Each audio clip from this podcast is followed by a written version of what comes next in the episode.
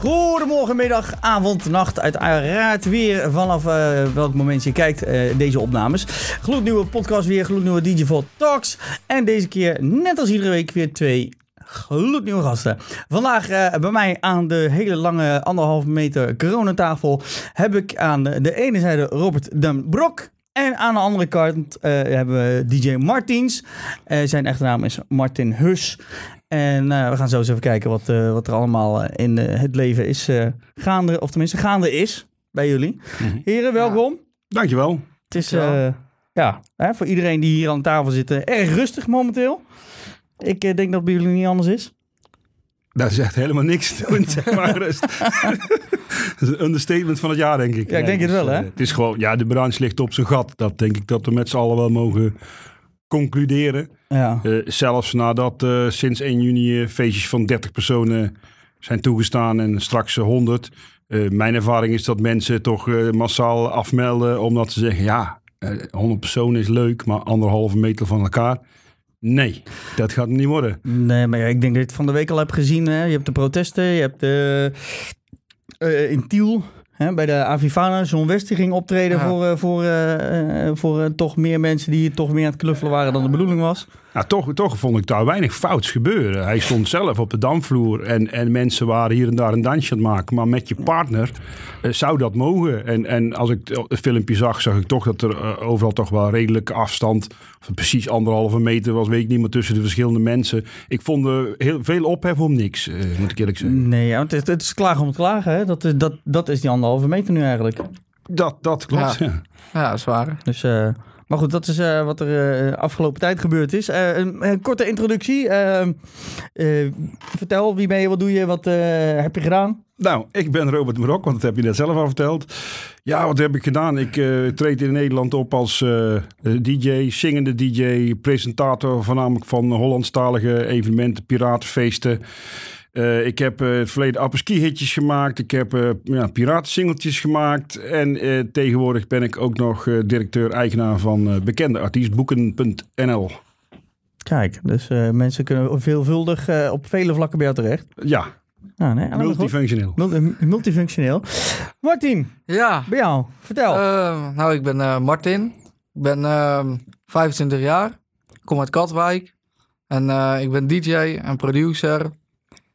Um, als bijbaantje, hobby, uit de hand gelopen hobby, hoe je het ook wil zeggen. Mm -hmm. En dat een beetje in de versnelde fase op dit moment. Ja. Dat is een tijdje, zeg maar, gewoon echt als hobby. En uh, voor de lol. Op een gegeven moment werd het een serieuze KVK begonnen, noem het allemaal maar op. Mm -hmm. Eigen muziek. En nu zit het eigenlijk in de versnelde ronde, zeg maar. Nou ja, nu is, nu, nu, nu is de handrem erop, hè? Nu zit, uh, qua, je, je, je, ging qua, hard en... Ja, dat wel. Maar qua muziek, dat... Uh, blijft nog steeds wel doorgaan. Ja, want je hebt nieuwe plaat uit. Ja, uh, nieuwe plaat uit. Uh, daar gaan we zo naartoe. Uh, de naam is Martin en daar heb je van Martiens gemaakt. Ja, klopt. Waarom?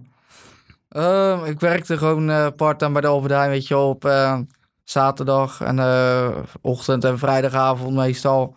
En op een gegeven moment noemden ze me Martin de Player. Werd het Martins de Player. En ook een weekend wel vroeger, toen ik nog wat knapper eruit zag, zeg maar.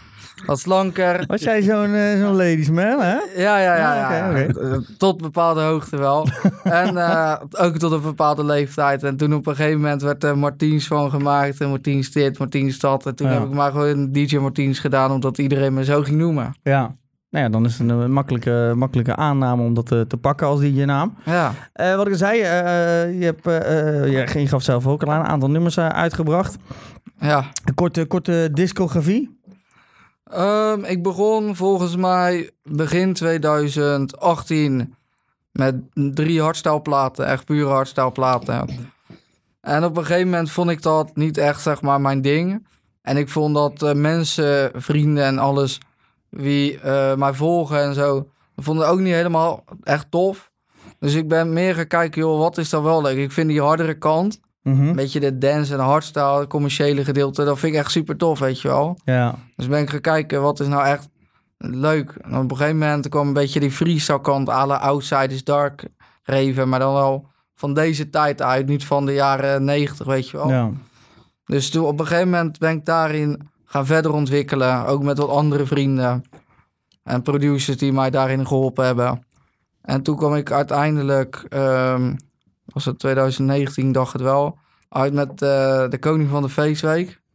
Met Barry Badpak. Ja, uit, eh, uit Leiden. Uit De Leiden. meeste, de meeste kunnen misschien kennen van de, de kamelenteen. Dat is eigenlijk de grootste, grootste hit geweest, hè? Ja, klopt. En daarna die Kratje Bier natuurlijk. Oh ja, die heeft hij ook nog gehad, ja. Die carnavalsplaat die is ook wel heel tof. eh. ja, en eigenlijk is dat eh, mijn ho- al mijn hoogste punt persoonlijk. Want ik ben gewoon super groot fan van Barry Badpak. Als jij bijvoorbeeld denkt, ah, ik zou super vet vinden met Martin Garrix een nummer maken. Maak liever met Barry Badpak, want dat is echt mijn... Dat is jouw held. Mijn dat held, jouw Ja, dat dat, is dat, het mooiste dan, eh, dat je daar een samenwerking mee kan doen. Ja, dus en op een gegeven moment eh, is mijn tweede echt kleine hitje, natuurlijk met jullie, begin eh, dit jaar. Dat was met, ja, met Harde Rammers, hè? Daar ben ik ook on- onderdeel van. Dat was een carnavalsplaat. Maar die Ja. hebben we niet alleen met, met, met elkaar Nee, gedaan. Er zat we nog ook, een, een hele grote partij achter. Ja, er zat natuurlijk zat daar slechte grap XL achter met pak een beet 1 miljoen eh pagina volgers op Insta en Facebook. Ja. Die zat er ook bij. ja. En dan eh, komen we eigenlijk tot, tot de afgelopen week. Ja, afgelopen maand eigenlijk, want eh, ik heb ook nog een, voor een DJ-contest van Spinning Records heb ik nog een freestyle plaat van, hoe heet die nou joh? Niet Like It Do, maar Do It For You van WMW en Lucas Steve, heb ik Ja. gemaakt. Ik opgestuurd voor die, eh, voor die, hoe heet dat, contest. Contest, wat vonden ze ervan? ja, het wordt best wel leuk gestreamd, weet je wel. Niet, eh, net zoals die platen van ons. Hmm. Maar het is ook niet echt helemaal mijn ding. Het is meer de feestding waar ik nu in zit. Ja. Dus het is even net wat anders en niet op Spotify en dat soort dingen. Maar op zich, ik kreeg wel heel veel van mensen die ik nooit ken. Dan krijg ik gewoon een eh, berichtje van heel echt super toffe platen en dat soort dingen. Ja. Dus dat is wel tof. Ja, dat is altijd eh, de mooiste bijwerking ervan. Ja, goed, en dan afgelopen vrijdag Ja. ehm, was dan met, eh, met Peter Loré. Peter Lorea, zo ver weg cover. Ja, Van eh Guus Meeuwis, maar het origineel van eh, Mama's Jasje of zoiets. Begreep ik eruit. ja, klopt. Ja, ja, want dat was een cover. Ja, klopt. Dus dat is een, eh, een, een, een korte samenvatting van de discografie. Ja. Dan eh, even, even naar de andere kant van de tafel. Want eh, ja, goed, je riep het al. Eh, wat was het? Eh, piraten, hits, feesten, hits. eh, Ja, van alles. van Ja. alles door elkaar. Eh, wat, wat zijn voor jou eh, eigenlijk de meeste platen? Want ik denk als je je hele discografie op kan noemen dat we het uur vol hebben. Nou, dat nee? valt er mee. Eh, valt mee? Oh, ik, Nee, ik- nee. volgens mij heb je echt zoveel uit. Ik ben in, eh, in 2005 begonnen met een, met een remix van De Woonboot. Een Mm. stamversie. en die deed het eigenlijk heel goed ook aan die Spaanse Costa's en al die feestcafés en zo. Dus toen heb ik eh, Blijven Mij van, eh, van Hazes en Joling. Of tenminste van Hazes toen nog. Net, Ja. eh, die kwam toevallig tegelijk uit met die van Gerard Joling. Dus dat kon ik nooit meeliften. En verder super duper, vind ik leuk. Die is eh, heel veel bij, bij Slam nog gedraaid in een item. Dus elke week, eh, dat was goed voor de buurmanrechten over. Ja, dat, dat tikt dan wel aan. Hè? tikt Ja, aan. ja, ja, ja. Dat soort stations tegenaan. Eh ik heb alleen nog maar die foto. En ja, als ik in je ogen kijk, Melanie. En ik denk een van de meest bekende platen bij, bij, bij veel mensen is de plaat die ik samen met DJ Menno. Met Menno Pols en met DJ Peet, Peter Meges eh, heb gemaakt. Ja. En dat is eigenlijk een, een, een Nederlandse versie van een nummer van Brandon Hart. En dat, eh, dat, eh, ja, die doet het overal nog steeds eh, erg goed, moet ik zeggen. Die hoor ik ook overal nog wel eens voorbij komen. Weekend. Is dat, hè? Weekend, ja, hè? ja, ja, het is weer weekend. Ja, daarom. Dat, eh, dat, eh, het, het brult lekker mee. Ehm, eh, voor momenteel, waar ben je nou mee bezig? Wat is je, voor jou je main focus nou? Ja, mijn platen ligt een beetje op, op zijn gat. We hadden eigenlijk met Peter Menno de bedoeling om komende carnaval toch met iets te komen. Mhm. Een beetje in de stijl van weekend. Dus met z'n allen toch een beetje van, nou, we moeten eigenlijk weer een keer wat maken gewoon. Maar ja, nu ligt alles een beetje op zijn gat eigenlijk. En mijn, mijn hoofdactiviteit is dit moment het, het boekingsbureau. Ja. Daar hebben we werk zat mee nu. Ja, niet, niet met boekingen, maar met eh, annuleringen. Annuleringen. Verplaatsingen, ja, van Ja. alles. En, en ja, ook wij ontkomen niet aan de crisis. En we hebben natuurlijk eh, met heel veel mensen op kantoor die wij in dienst hebben. Ja. Ja, we hebben ook van een paar mensen toch helaas gedwongen afscheid eh, moeten gaan nemen. Of dat gaan we nog doen. En, Mhm. Want ja, het, Mocht je luisteren of kijken, kan zijn dat jij bent. nee hoor. nee. nee, ik denk dat wij heel transparant zijn aan het personeel. En Mhm. hebben vorige week met iedereen een gesprek gehad. eh, hoe de vlag erbij hangt. Ja. Wat eventueel eventueel de consequenties kunnen zijn. En nou ja, iedereen eh, weet dat en iedereen zit daarmee. Iedereen doet zijn uiterste best. Alleen ja, Hoe, hoe ga je dan het, eh, het kaf van het koren scheiden op, op dit moment? Want ik neem aan dat ze allemaal gewaardeerde werknemers zijn. Dat je in feite, want anders had je al lang de deur uitgeknikkerd als ze niet Mhm. goed waren. Hoe, hoe ga je die keuze maken dan?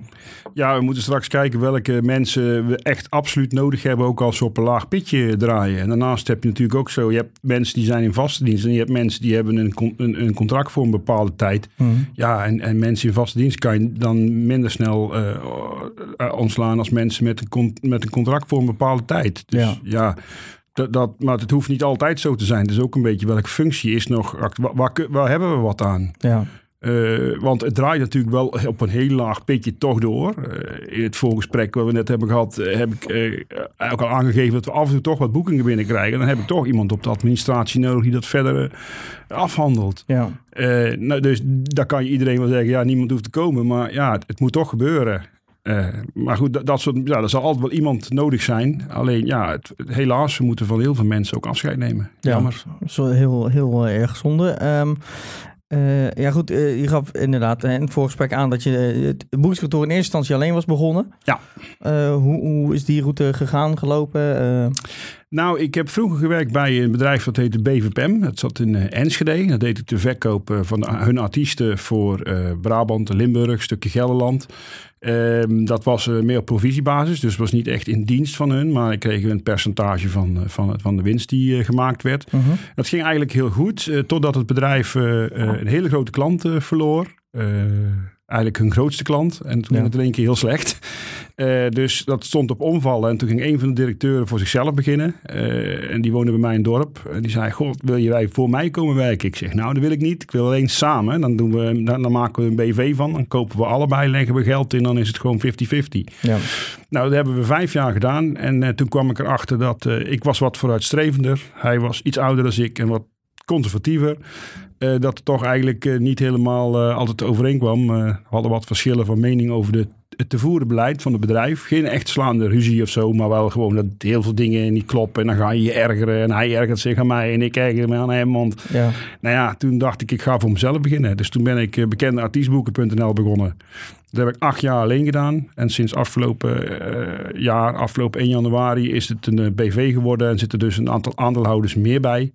Eh, Wouter is erbij gekomen en, eh, en Theo Nabuurs is daarbij gekomen. Ja, dus eh, voor jezelf ook wat meer in dit geval ondersteuning, omdat je het voorheen dan tussentijds alleen deed. Ja, de Dan komt alles op, laatste, je, op jou terecht. de laatste zes maanden van 2019 waren echt verschrikkelijk. Niet qua omzet, want het was gewoon hartstikke goed. Het ging eigenlijk te goed. Maar als je 's morgens eh, om 8 uur moet beginnen en s'avonds om 11 uur de stekker uit de PC trekken, en dat zeven dagen per week bijna. Ja, En dan moest ik in het weekend ook nog zelf gaan draaien. Ja, ik was eh, echt met kerst helemaal eh totaal los. ja dat snap ik, ja. Eh, En met kerst had je, had je wel even een rustmomentje dan? ik, eh, ik draai in principe niet meer kerst. Oké. Nee, al jaren thuis, eh, Oud en nieuw, eh, 1 januari s'avonds, maar s'nachts eh vijf jaar geleden mee gestopt. Beste beslissing jaren. Gewoon zelf... eh, S'avonds lekker een drankje doen. Ja. nee. Ja, Wat zijn, wat zijn nou in dit, dit, dit geval eh, de meest rare dingen qua aanvragen of, of wensen geweest? Die, die tegengekomen bent in jouw... eh, Maar ja, paaldanseressen. Eh striptease shows vind ik altijd wel leuk. Doen we ook. Mhm. Naast artiest doen we dat ook. Ja, heel veel, maar ja, ook heel veel mensen die gewoon echt, eh, echt hele rare eisen hebben. Van nou, dan willen ze een artiest, maar dan moet die artiest eh, de- een half uur als kooiboy verkleed. Willen ze Gerard Joling boeken, moet hij de hele dag als kooiboy, want het is een kooiboyfeest. mhm. Dan denk ik, ja, waarom boek je dan in godsnaam Gerard Joling op een kooiboyfeest? Dat is één. Maar ja, hij, hij wou dat ook niet doen natuurlijk. Nee. Dus dat, dat Ik wil zijn- zeggen, want hoe ga je dat in godsnaam voorschoten dan bij zo'n zo'n Ja, nee, maar hele gekke dingen eh, maak je wel eens mee. Ja. Mensen die echt hele aparte eisen hebben. Ja, ook he- hele dingen dat ik denk van ja, luister, eh, ik, ik had maart had ik Nielsen voor een, voor een verjaardagsfeest. eh, zouden we die boeken, nou, dat is niet doorgegaan natuurlijk. Nou gaat die toch door op 27 juni. Mhm. Ja, dat is voor 23 mensen. Oh. En dan ga ik je niet meer prijzen gooien, maar laten we zeggen dat dat een heel duur cadeau is. een heel erg duur cadeau. Dus- Ja, snap ik ja. ja, maar dan denk, dan, denk, ja, dan denk ik wel eens van... Ja, goed, weet je, er zijn mensen die, die eh, moeten misschien nog harder werken als ik. En die hebben de verantwoording voor eh, duizend mensen. En daar verdienen ze ook naar. En als zij dan eh, een dochter of zoon 18 wordt en denken... Nou, ik geef Niels een cadeau. Ja, wie ben ik om het af te kraken? Ja, Toch? ik, Niet? Nee. Niet? Ik kan het zeggen, misschien nog een extra, extra artiest erbij juist. Een beetje bijverkoop Ja, ik heb aangezien op een goede DJ erbij, maar dat ging niet lukken. Dus hield het bij de zanger. ja. Nou goed, ja. dat- Maar dat, dat is het me- meest vreemde... eh, eh, dus dat het cowboy eh, Ja. thema. Lijkt me, ja, goed, lijkt me een moeilijk gesprek aangaan met het management. Eh, bij jou, heb jij wel eens rare dingen gehad eh, die je moest doen? Of dat je gevraagd werd? Of dat je, dat je gezien hebt tijdens het draaien misschien wel? Ja, ja, ja, ja. Ehm, wat ik heb eh, gedaan, ja, ook vooral eh, bijvoorbeeld stripteases die even langskomen, een kwartiertje, half uurtje op een privéfeest of waar dan ook. Ja, gekke werk. En ehm, ik heb wel eens iemand gehad, ehm was volgens mij in een feestcafé of een club in, in Mallorca, waar ik toen op vakantie was, waar ik toen een keer moest invallen. Mhm. Die vroeg, joh, kan ik even eh, onder je tafel gaan staan? ja, gekke werk. Dan moet een hele hoge tafel gewe- geweest zijn Ja. als ze eronder kan staan. Ja, ja, zitten bedoel ik, zitten. Maar dat, dat, die dacht even, nou, ik vind die DJ zo leuk, die zal ik even Ja. een bonus geven. Ja, zoiets denk ik. dus ja, dat soort dingetjes maak je wel eens mee. Ja, en buitenlandse reisjes natuurlijk. Hè? Dat, dat, dat is ook al natuurlijk wel een beetje krent in de pap. Als je toch gaat draaien in Spanje of in Griekenland Ja. of in Turkije. Of eh, ja, ik heb het ooit meegemaakt dat mensen mij belden. En eh, ja, wil je in New York komen optreden? Ik denk, die mensen die houden me voor de gek, joh. Ja? Echt. Dat was een of andere ja, vereniging van, van expats daar. En eh, nee, een half uurtje optreden moest ik veel oud-Hollandse feestnummers. Ze zaten niet te wachten op Jan Smit, maar wel eh, gewoon... vroeger, de overwegwachter en dat soort voor naar achter, naar links, naar rechts. Dat soort dingetjes. Alles kan een mens gelukkig maken. Ja. Nou ja, dus op een gegeven moment, eh, zei, wat moet je daarvoor hebben? Ik zei, ja, weet ik niet. Nou, dat was gulden, nee, eurotijd, net eurotijd. Zegt hij, je krijgt 2500 euro. Mhm. Dan moet je op woensdagavond om half elf moet je er zijn. Je kan inprikken, dus je kan gewoon... eh, ja, ik zeg, ik heb minidisc. Nou goed, dat, dat hadden ze daar plaatsen, ook. ja. Dat hadden ze daar ook. Ik Aha. zeg, nou goed, een goede microfoon. En dan, eh, hij zegt, je moet hier zijn. En of je dan, hoe lang je van tevoren naar New York komt, moet je zelf weten. Hoe lang je daarna blijft ook. Waar je hier allemaal uitvreet, moet je ook zelf weten. Je krijgt 2500 euro, moet je het voor doen. Ja. Nou, daar kwam ik net mee toe. En het jaar erop mocht ik weer. Ja, wel dat is wel leuk. Dat zijn leuke dingen. En, en één keer meegemaakt toen, eh, ik kende een kastelein, die was 25 jaar getrouwd. En die ging zijn feest vieren in eh, Egypte. Want dan had hij een huis eh, in zo'n, met, met een aantal Nederlanders rond een groot zwembad. En die mensen waren er ook. En die hadden allemaal kamers beschikbaar gesteld voor zijn familie. Dus er waren ongeveer 60 mensen. En dat hele park zat dus vol. Alleen, ik vergeet nooit meer, die, die, we moesten daar dat licht en geluid allemaal gaan halen. Ja, Dan moest je zelf regelen nou, daar, voor- met bedrijven met, daar. Met z'n tweeën moesten we dat daar met bedrijven gaan regelen. Nou ja, dat heeft zoveel tijd gekost. Uiteindelijk is dat gelukt. Alleen die mensen hadden het idee opgepakt van ik ga met een kameel. En dan komen we op met een kameel. en die kameel die zouden ze brengen bij de, bij de ingang. Maar die kameel dat ging niet door. Er was iets mee. Dus zeiden ze ja, dan gaan we 60 kilometer verderop een kameel halen. Dus iedereen was op het feest. Ik was al twee uur aan het draaien. Nog steeds geen bruidspaar te zien. Het was lang donker. dus uiteindelijk eh, kwam het bruidspaar. Nou, ik eh, ja, heb er gewoon een feestje van gebouwd daar echt. En, en de dochter, vergeet ik nooit meer, die, die kwam de volgende dag huilend om de nek hangen en zeggen: Ja, als jij er niet was geweest, dan weet ik niet wat we hadden moeten doen. Nee, maar het bruidspaar, zo, het bruidspaar wat echt, eigenlijk, normaal gaat het vroeg weg, maar nu kwam het pas laat aan. Laat aan, ja. Ja. Gek. Lijkt me inderdaad een rare gewaarwording dat het bruidspaar er zelf niet is. Ja, nou en al die mensen die kwamen op, eh, op donderdag aan en die gingen op eh, zondagavond weer weg. Ja, en ik mocht daar van dinsdag tot dinsdag. Dus Dat lekker. eh, Nog wezen duiken daar? Ja. Dan kun je daar onwijs mooi, hè? Ja, Heb je gigantische koraalriffen daar. geweldig. Ja. Ja, dat is echt, echt een mooie, echt aan te raden om te doen. dat is ook echt, een hobby echt van me trouwens. Ja, duiken? Ja, ja sportrijk, ja. Graag het, over, ga je overal het diepe in? Is dat eh, gelijk een metafoor voor jou? Gelijk het diepe in duiken? Of is het gewoon... eh, Nee, nee, nee, nee, nee. Maar ik heb gewoon in mijn leven ooit eens gedacht van ik wil een tatoeage. Nou, dat heb ik gewoon de volgende dag laten zetten. ik heb ooit gedacht ik wil een motor. ik denk, de volgende dag ging, me, ging ik me opgeven voor rijwijs halen. En toen ik rijwijs had, kocht ik zijn ding. en, en, en nou ja, goed, op een gegeven moment duiken. Mijn vrouw had het al heel lang over duiken, duiken, duiken. Denk, ja, ik, eh, ik vind het wel leuk. En, eh, maar ja, toen maar. En op een gegeven moment kom ik iemand tegen die was zo enthousiast. Ik heb me dezelfde avond ingeschreven, week erop begonnen. Allemaal spullen gekocht echt, en eh, eh, duiken. Ik ben echt het type van, eh, als je het in de, kont, hebt- in de kop hebt, ben je het ook in de kont. Ja, ja, ja, ja, dat heb, heb ik wel. Ja. Als ik echt een idee heb waar ik denk van nou, dat wil ik gaan doen, dan eh, doe laat ik het er niet zo gras over groeien. Nee. Bij jou ook, hè? Bij jou eh, is, is dat met de, met de platen waarmee je... dat komt Ja. vaak met ideeën. Tenminste, ik heb het Ja, zelf mogen onder, ondervinden. Klopt. Idee, uitwerken, ga met die handel. Alleen, ehm, ja goed, eh, je gaf aan dat, je, dat je toen jij alleen was eh, heel veel werk had. S ochtends eh, vroeg beginnen, 8 uur, 11 uur klaar. Eh, je hebt zelf ook een hele eh, periode gehad, waardoor je eigenlijk zelf ook heel erg eh, overwerkt was. En eigenlijk Ja. eh, een burn-out had. Ja, klopt. Hoe, Klopt. hoe, hoe, hoe, hoe is het zo ver gekomen en hoe ben je ermee omgegaan? Ehm, hoe het is gekomen. Ja, ik werkte gewoon natuurlijk fulltime op een eh, school, basisschool.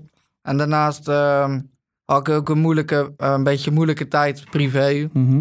En dan in de weekenden nog draaien. En dat werd ook serieus, weet je wel. Mensen gingen meer van me verwachten. En ik had van mezelf ook hogere verwachtingen. Dat dat op dat moment zeg maar was, weet je wel. Ja. Op een gegeven moment, na die plaats van Barry Badpak, dacht ik van... Oké, ik word nu heel bekend en eh, ik word eh 20, 30 keer per maand geboekt, weet je wel. Ja. En dat viel zeg maar vies tegen, weet je wel. Ja. En dan eigenlijk was ik het op dat moment, na een paar maanden, een beetje klaar mee, weet je wel. Dan ging ik een beetje met tegenzin dingen doen. En ik dacht, ja, eh, geen zin meer om te draaien. Doe je toch. Op een gegeven moment is zeg maar, hoe heet dat? Dan, ehm, ja, er kwamen zoveel dingen en zoveel ideeën, weet je wel. En dat kwam niet echt van de grond. En het viel allemaal even een beetje tegen toen. Ja. Op een gegeven moment was ik gewoon echt helemaal klaar mee. Ja. En op, op, moment, op welk moment eh, kun je zelf eh, dan klassificeren van goed, ik zit eigenlijk nou in een burn-out? Ehm, op een gegeven moment ehm, ja, wist ik het gewoon niet meer. Heel vreemd was dat. Ja. Ik werd wakker of zo en ik voelde me gewoon heel raar. En, eh, en ik moest naar mijn werk en ik had geen zin. En ik wist het af, allemaal even niet. En ja, dat was echt heel gek, weet je. Je denkt, je hoort het wel eens ook bij- bij de basisscholen, bij leerkrachten. Ik dacht altijd in het begin van, ja, hoe kan je zelf nou eh, zo'n burn-out krijgen, weet je wel. Dat ligt aan jezelf. Gewoon je kopje erbij houden. Maar dat overkomt je gewoon. Dat is echt heel gek. Ja. En de, goed, dat lijkt me een hele nare periode dan. Vooral eh, omdat je het, eh, als je opstaat en je weet gewoon niet wat je moet doen, kan doen, eh, waar naartoe moet. hoe, hoe, hoe- wat is een weg om daar dan, hoe ga je daarmee om en hoe kom je eruit? Ehm, om ermee om te gaan en om eruit te komen is sowieso super handig om therapie te nemen natuurlijk. Mhm. Maar daarnaast, hoe ga je ermee om? Ik denk dat je eerst moet beginnen met... Oké, wat, wat wil ik in het leven? Wat wil ik niet? Wat verwacht ik van mezelf? En wat wil ik van mezelf? En daar moet je gewoon heel eerlijk naar kijken ook, weet je wel. En dan stapje voor stapje denken, oké, is dit haalbaar? Wil ik dit, blij- wil ik dit blijven doen? Dat soort dingen. En denk, oké, ehm, dit en dit wil ik. En al die andere dingen die ik graag wil, maar niet kan. Dan moet je denken, oké, dat doe ik niet of later. Ja. Om zeg maar een goede balans voor, voor jezelf te vinden, weet je wel. Dat is echt super belangrijk. Want als je dat niet doet, dan wordt je hoofd gewoon gillend gek, weet je wel. Ja. Dus, dus het is nou eigenlijk ook van wat je dan zegt.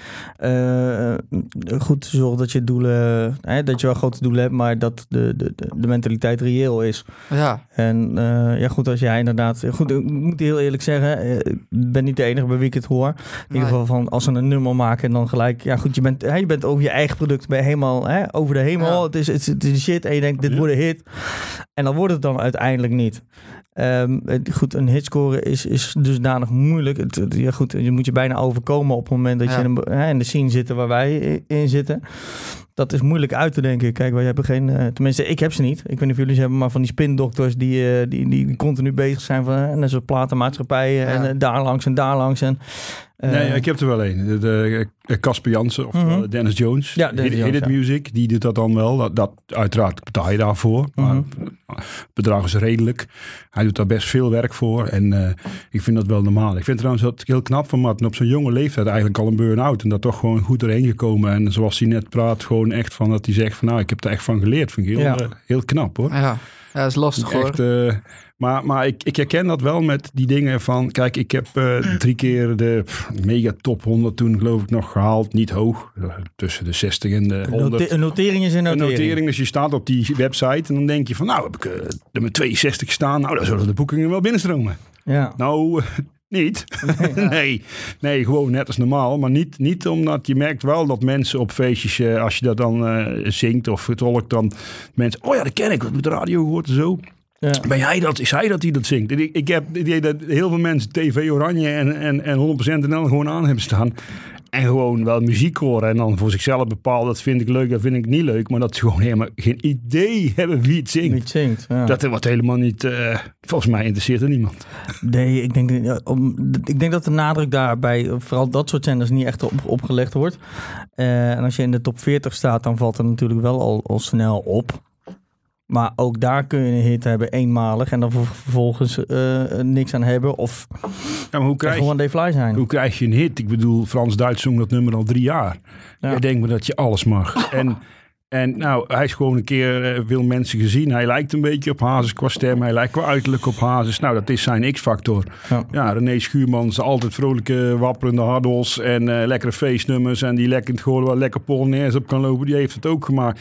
Je hebt gewoon bepaalde mensen die hebben dan iets... Wat eigenlijk, wat, wat misschien eh, op het oog denkt, ja, wat hebben die nou? Maar toch, ze hebben iets waardoor Ja. dat wel lukt. Herkenbaar, ja, iets herkenbaars, iets unieks. Iets unieks, denk ik, ja. Maar goed, aan, aan de andere kant, eh, eh, je kan allemaal iets unieks hebben. Maar in, in, in het muziekwereld hebben de meesten toch wel iets wat allemaal gelijk is. Ja, dus, dus ja, goed, je kan er uitspringen. Maar ja, goed, als je hetzelfde doet als een ander en het klinkt hetzelfde, het is iets hetzelfde.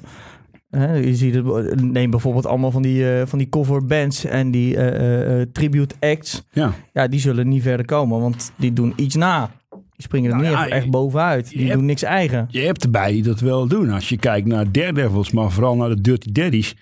Ah, dat is allemaal coverwerk. Eh, maar dat is toch eh, Ja, die, die, die geven dan wel weer een eigen draai, eigen, draai eraan. een eigen draai eraan. Ja. Dus het is wel, maar dat is ook weer iets unieks. En ik denk dat we eh, met muziek allemaal uniek zijn. Eh, Maar we hebben ook allemaal één gemene deler. We hebben allemaal een passie voor muziek en voor muziek maken.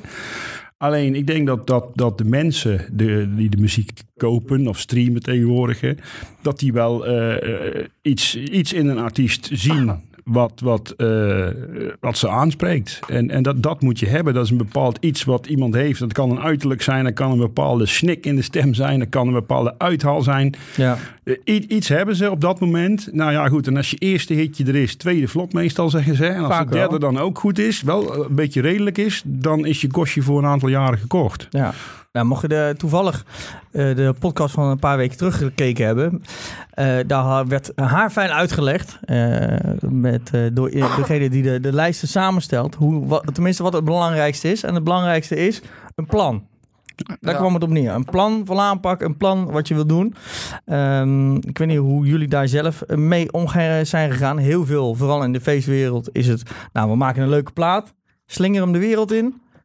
En we zien wel wat hij doet. Ja, Ja, Ik heb het meest succes gehad met covers. Ondanks dat eh, de platenmaatschappij zegt, je moet eigen nummers maken. Je moet je eigen identiteit. Maar je kan met covers ook gewoon je eigen identiteit maken. Kijk maar wat Starco heeft gedaan in het verleden. Ja. Allemaal covers, maar wel een eigen identiteit. En ook heel succesvol. Dus eh, ik merk gewoon, ik heb er drie of vier covers gemaakt van al die nummers die ik gemaakt heb. En de rest heb ik zelf eh, geschreven, samen met Kees Tel. En ik vind eigenlijk de nummers die ik zelf geschreven heb veel mooier.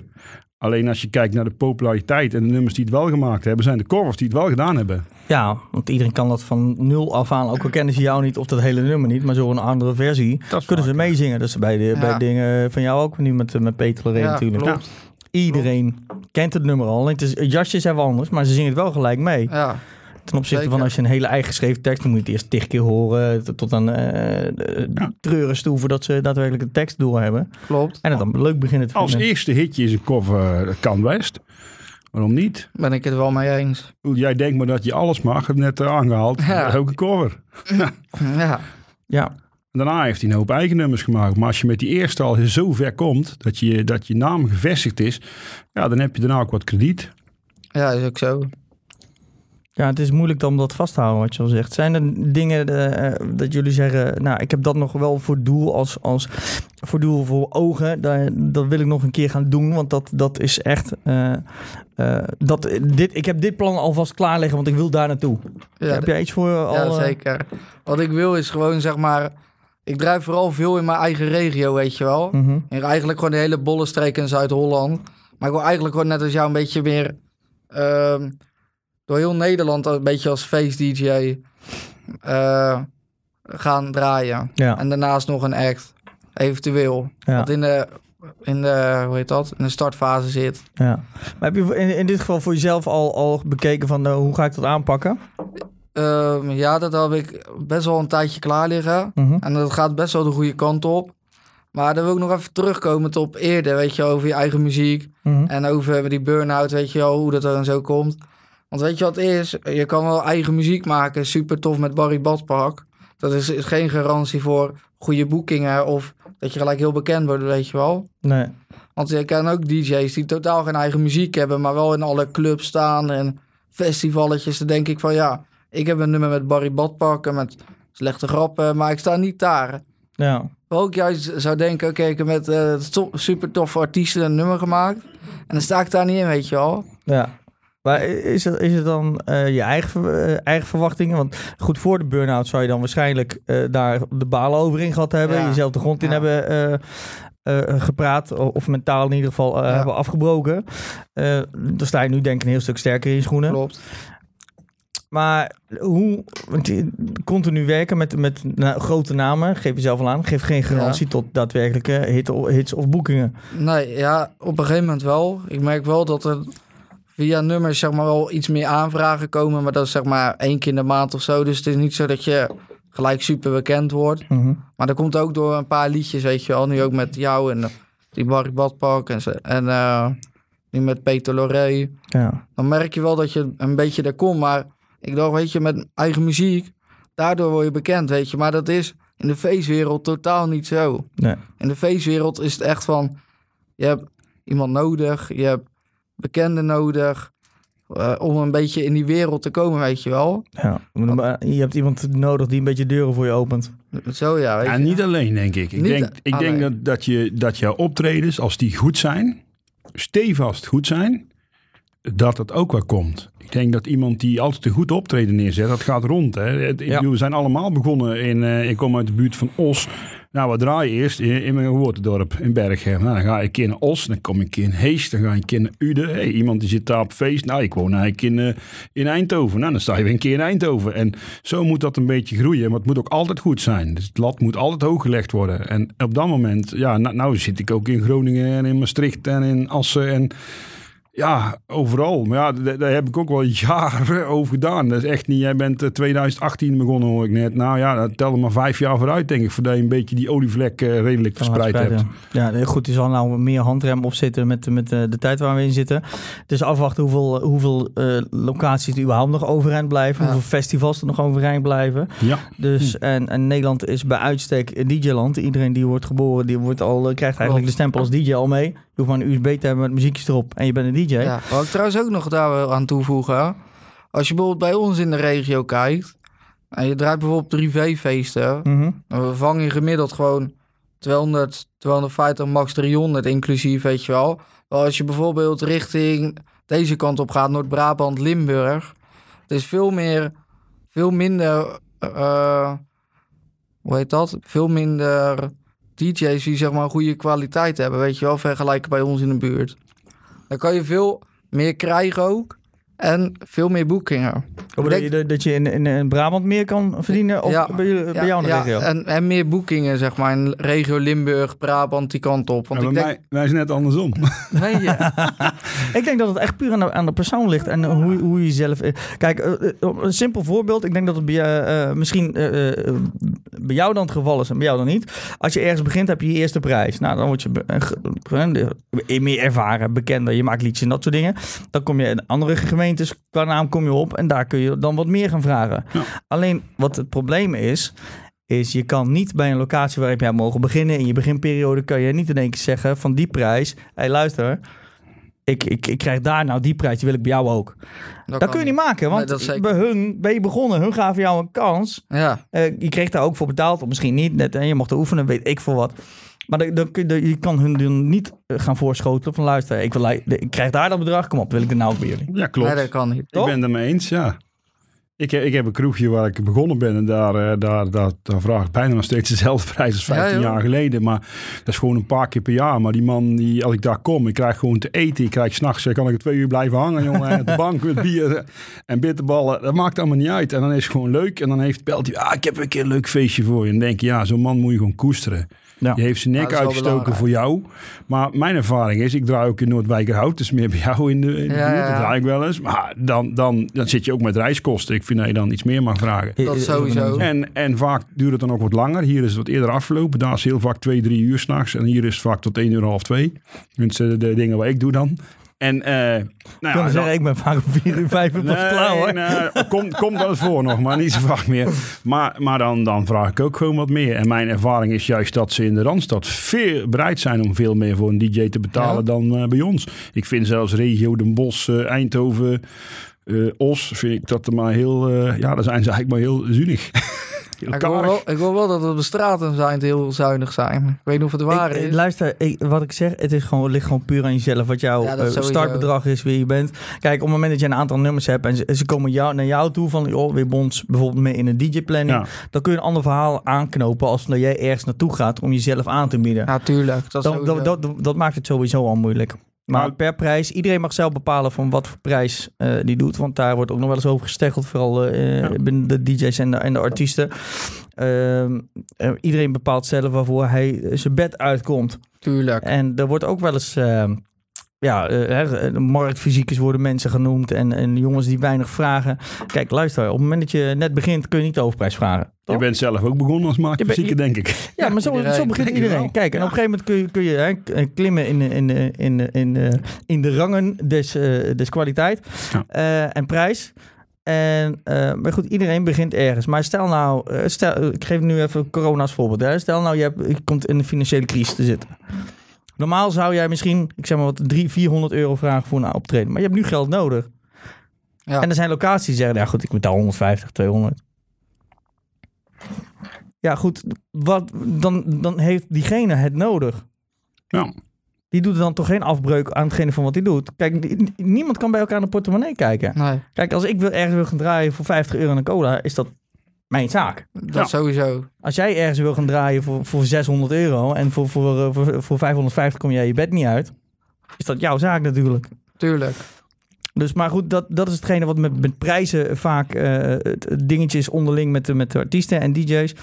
En wat ik al zeg, het is een puur een gevoelskwestie nu dat jij het idee hebt dat het een Limburg en Brabant ja. meer is en dat jij het andersom hebt en de, en de, en de, en de Nou, prijzen die ik in, in Assen en Groningen en zo eh, krijg, die eh, kan ik in Brabant niet vragen. Nee. Dat eh, betalen ze gewoon niet. En dan moet je ook wel stellen dat er natuurlijk een stukje reiskosten of een stukje hotel eh, erbij zit. Ja, tuurlijk. Hè? Eh, dat, dat, dat wel, maar dat, wordt, dat is toch allemaal goed betaald. Nou, ja, ik ben wel van mening, bedrijven ten opzichte van privé. Nou, bedrijven, die, die kun je nog wel eens een keer eh, wat hoger, gelijk hoog inschatten. Want die vinden het eh, vaker, die hebben het vaak wel over en prima. En dan Als het goed is. Ja. Inderdaad, het moet wel goed zijn. Eh, Ja. eh, kijk, want anders krijg als je niet, geen, niet levert. Ja, goed, dan, dan hang je natuurlijk. Hè? Dan, Zeker. dan, dan, want dan, dat, of het nou goed is of slecht. Slecht gaat vaak sneller in de ronde dan goede dingen. Dat is, Ja. maakt niet uit waarover het gaat. Ja. Dat is standaard. Dat is eh, psychologisch getest zelfs. Maar je, eh, eh, je bedrijven kun je veel vragen. Bruiloft en partijen. Hè? Want het is één avond. Maar ja, goed, daar, hè, daar, dat is net zoals bedrijven met personeelsfeesten, met bruiloften en partijen. Dat zijn eenmalige feesten. Dan moet gelijk piek zijn. Gelijk top. Er mag niks misgaan. Ja. Want het is één dag in, in hun. eh, een belangrijke dag in hun, hun bestaan. En ja, goed, daar mag, daar mag geen foutje in voorkomen. Kijk, sta je ergens in een kroeg en een keer in de planning en ik, je hebt een keer een kutavond. ja. Goed, dan kun je er nog wel eens mee wegkomen. Ja. Ik weet niet of jullie wel eens een kutavond hebben gehad. Zat. Dus, Ja, die zitten er wel eens tussen, helaas. Ja. Ik weet niet wat, wat eh, maar goed, eh, dat, dat is geen wat je, wat je, waar de verschillen in zitten. Maar net zoals een kutavond, als je eh, een, die op een avond hebt, wat, wat zijn de factoren waar dat eh, wel eens van af kan hangen? Nou, je, je, je kunt er geen pijl op trekken. Ik, ik heb wel eens ooit een, eh, twee dagen achter elkaar een soortgelijk feest gehad. In dezelfde locatie, in dezelfde zaal. Allebei een vijftigste verjaardag. Hetzelfde aantal personen. En de vrijdagavond was top. Echt, ze braken de tent af. En de volgende dag doe je eigenlijk precies hetzelfde kuntje. En het was helemaal niks. en dan ga je echt van alles zoeken. Dan ga je dit en dat. Dus alles proberen. Alles uit de kast. En uiteindelijk, ja, het laatste half uurtje kwam het een beetje op gang. Maar dat was echt ik dacht van, wat heb ik hier nou jongens? Ja. Zel- Zelfs de personeel, die was hetzelfde. En die zeiden van, nou, ik snap er helemaal niks van. Gisteren was het top en nu eh, precies hetzelfde. Ik zeg altijd, een feest, daar heb je drie dingen voor nodig. Dat is als eerste eh, de, eh, de locatie en het personeel. Dat moet goed zijn. Mhm. Want eh, op het moment dat jij een knalfeest bouwt... en die mensen hebben er zin in... maar ze krijgen heel slecht te drinken... dan wordt het ook geen leuk feest. nee, nee. Maar op het moment dat ze genoeg drinken krijgen en ze hebben er zin in, maar de muziek is kloten, dan wordt het ook niks. En als die locatie en dat bier goed is en die DJ is goed, maar die mensen hebben er geen zin in, dan wordt het ook Nou, niks. dat ook dus op, het is ja. gewoon drie dingen die die avond samen moeten vallen. Ja, en soms valt het niet samen. Ja, het eerste, Ja. eerste weekend na carnaval is Stevals niet de beste feesten. Nee. het is gewoon zo. De meeste mensen hebben nog tot hier zitten. Joh. Dat, dat, dat, dat, wordt, ja, dat kan goed zijn, maar meestal is dat toch wel wat minder. Ja. En bij jou heb jij wel eens, eh, eh, wat bij jou vaak. een, kut la- even netjes, een vervelende avond. eh, ja, zeker, zeker. Vooral in het begin, toen ik zeg maar een beetje die stijgende lijn kreeg. mhm. Op een gegeven moment ging ik ook een beetje grote evenementjes doen. Dat is ook gewoon eh, trillende handjes alleen met te draaien, weet je wel. Mhm. was er heel gevoelig voor in het begin. En dat was gewoon kut. Dat was gewoon slecht voor performance. Sta je voor zoveel man en dan is het gewoon kut. Ja. Dat is nu niet meer. nu niet meer, eerlijk. Maar kun je voor jezelf ook pinpointen waar, waar de fouten lagen, wa- waardoor het slecht was? Tuurlijk zenuwen. eh, voor het eerst groot draaien of nog groter, weet je. Ja. Dan zou gewoon pure adrenaline draaien dan op. En dan eh, doe je wel eens foute dingetjes, weet je wel. echt, echt puur de Bijvoorbeeld. spanning die, je- die je dan merkt in in, het begin. dat geval. Dat heb ik nu Ja. niet meer. Daar ben ik wel, heb ik wel flink geoefend. Ik heb zelfs een soort van cursus ervoor gekregen. Ja. Dat ik best wel vaak nu krijg. Ook voor eh, grote zalen van 1000 man, 500 man, weet je wel. Ja. Dus nu heb ik dat niet echt meer, maar het was in het begin wel zo. Ja. En ook wat hij zei, weet je, die drie dingen.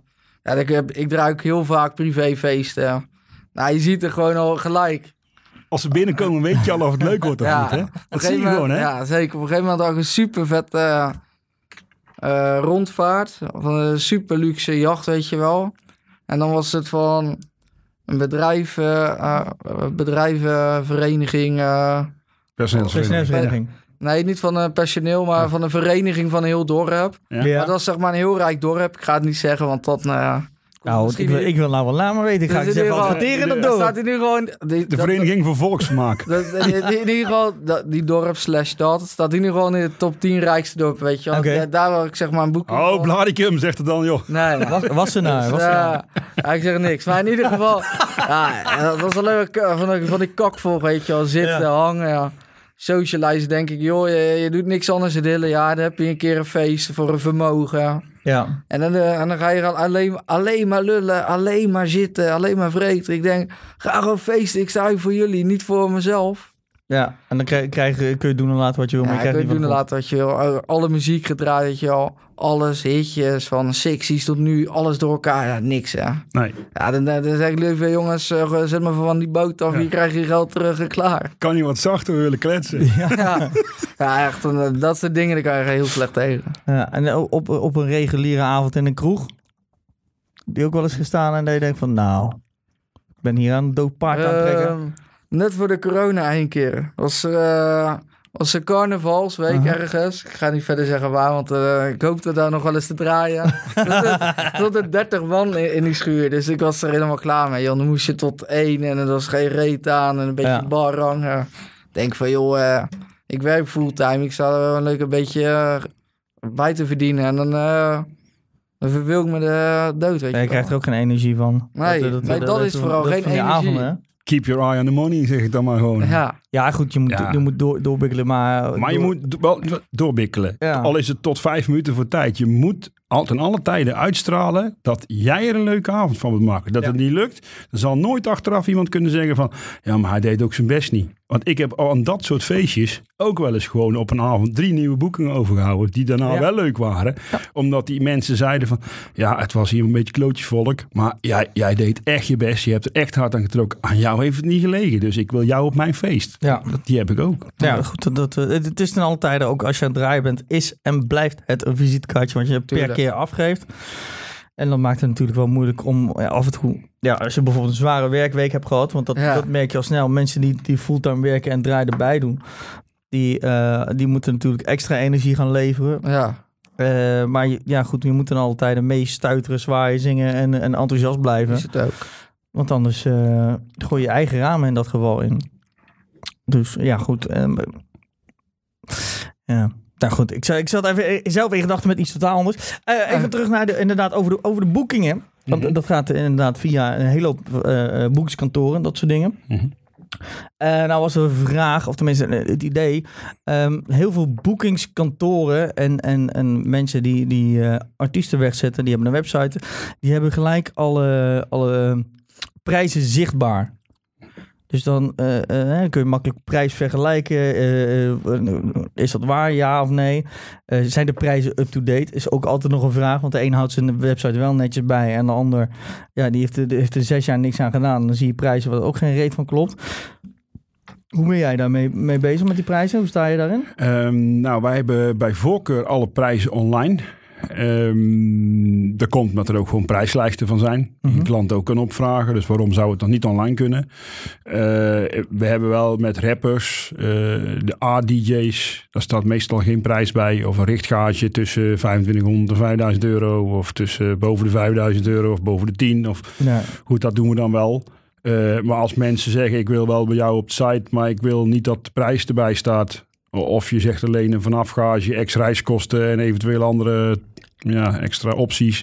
Dan eh, kan dat ook. Of gewoon op aanvraag. Dat is, eh, ik, ben de laatste die daar eh, moeilijk over doet. Want ja, dat bepaalt ieder voor zich. Ja, Maar de artiesten, die de grote artiesten hebben, die hebben allemaal prijslijsten. Dus die prijzen staan gewoon online. En die, eh, die zijn voor 99% actueel.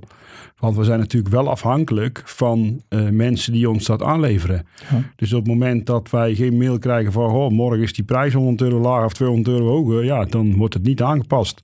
Eh, ik krijg ook wel eens mailtjes van... ja, die informatie die jullie op van mij op de site hebben... die is verouderd. Ik denk, nou, dat ligt dan aan jezelf. Dan moet je ons keurig netjes een nieuwe foto sturen en een nieuw bio. Ja. Dat zeg ik dan ook. Ik zeg, ja, ja, als jij niks stuurt, ga je niks veranderen. Ik, kan, eh, ik heb 2500 artiesten op de site. Ik kan moeilijk elke dag gaan checken of er ergens iets veranderd is. ja, Vind ik wel een beetje verantwoording. eh, je wilt jezelf verkopen. Dus als ik mezelf zou verkopen, zou ik wel regelmatig op de sites kijken waar ik sta bij andere kantoren. Hey, die informatie klopt niet en dan zou ik het zelf gewoon aanleveren. ja. Ik vind dat die verantwoordelijkheid. eh, de A-artiesten hebben daar een management voor. Of, of een eigen exclusieve kantoor. Maar als jij gewoon, eh, als ik jou zelf rechtstreeks kan boeken, dan ben jij ook verantwoordelijk voor de informatie die je ons aanlevert. Vind ik wel. Ja, want hoe, hoe kun je dan, eh, als de meesten het al online hebben staan, of velen, hoe kun je dan überhaupt nog concurrentie aangaan? Ehm, eigenlijk is een boeking, eh, en dat weet je ook, is ook als je jezelf verkoopt, is ook een beetje een kwestie van gunnen. Eh, en wij doen eigenlijk alles aan om die mensen eh, in de watten te leggen Mhm. en dat te gunnen. Dus wij hebben zoveel mogelijk info, een filmpje, prijzen online. Je kan bij ons offerte of boeking aanvragen via internet. Eh, we handelen het contract af via internet. Wij doen alle vragen voor hun uitzoeken wat ze maar willen. Eh, contracten gaan digitaal tekenen. Eh, een paar dagen van tevoren krijg je nog een mailtje of telefoontje. Nou, zijn er nog vragen? We hebben deze gegevens. Klopt het wel? Na het optreden krijgen ze nog een review. Eh, dus zoveel mogelijk contact met die klant. Dat die klant achteraf, eh, als het optreden ook nog goed is geweest, die van, ah, ik heb daar iets geboekt, jongens, allemaal super snel. Ja. En heel makkelijk, alles online. En, eh, en we, ze vroegen van tevoren of er nog vragen waren. En daarna belden ze of alles naar wens geweest was. En nou ja, dan komen ze volgend jaar terug. Dat is eigenlijk eh, onze insteek. Eh, en dat geldt dan voor particuliere of eenmalige klanten. Mhm. Eh, en wij zitten met de BV eh, zitten wij bij de, Next Chapter. Dat is een, nieuw bedrijf. Die hebben tien bedrijven daaronder vallen. Ook onder andere Code 16, Your Agency zit daarbij. Maar wij hebben ook een bedrijf wat ge- gespecialiseerd is in Google Ads en in SEO-campagnes. En ook een bedrijf wat Facebook-marketing doet. Het is Don't Mind.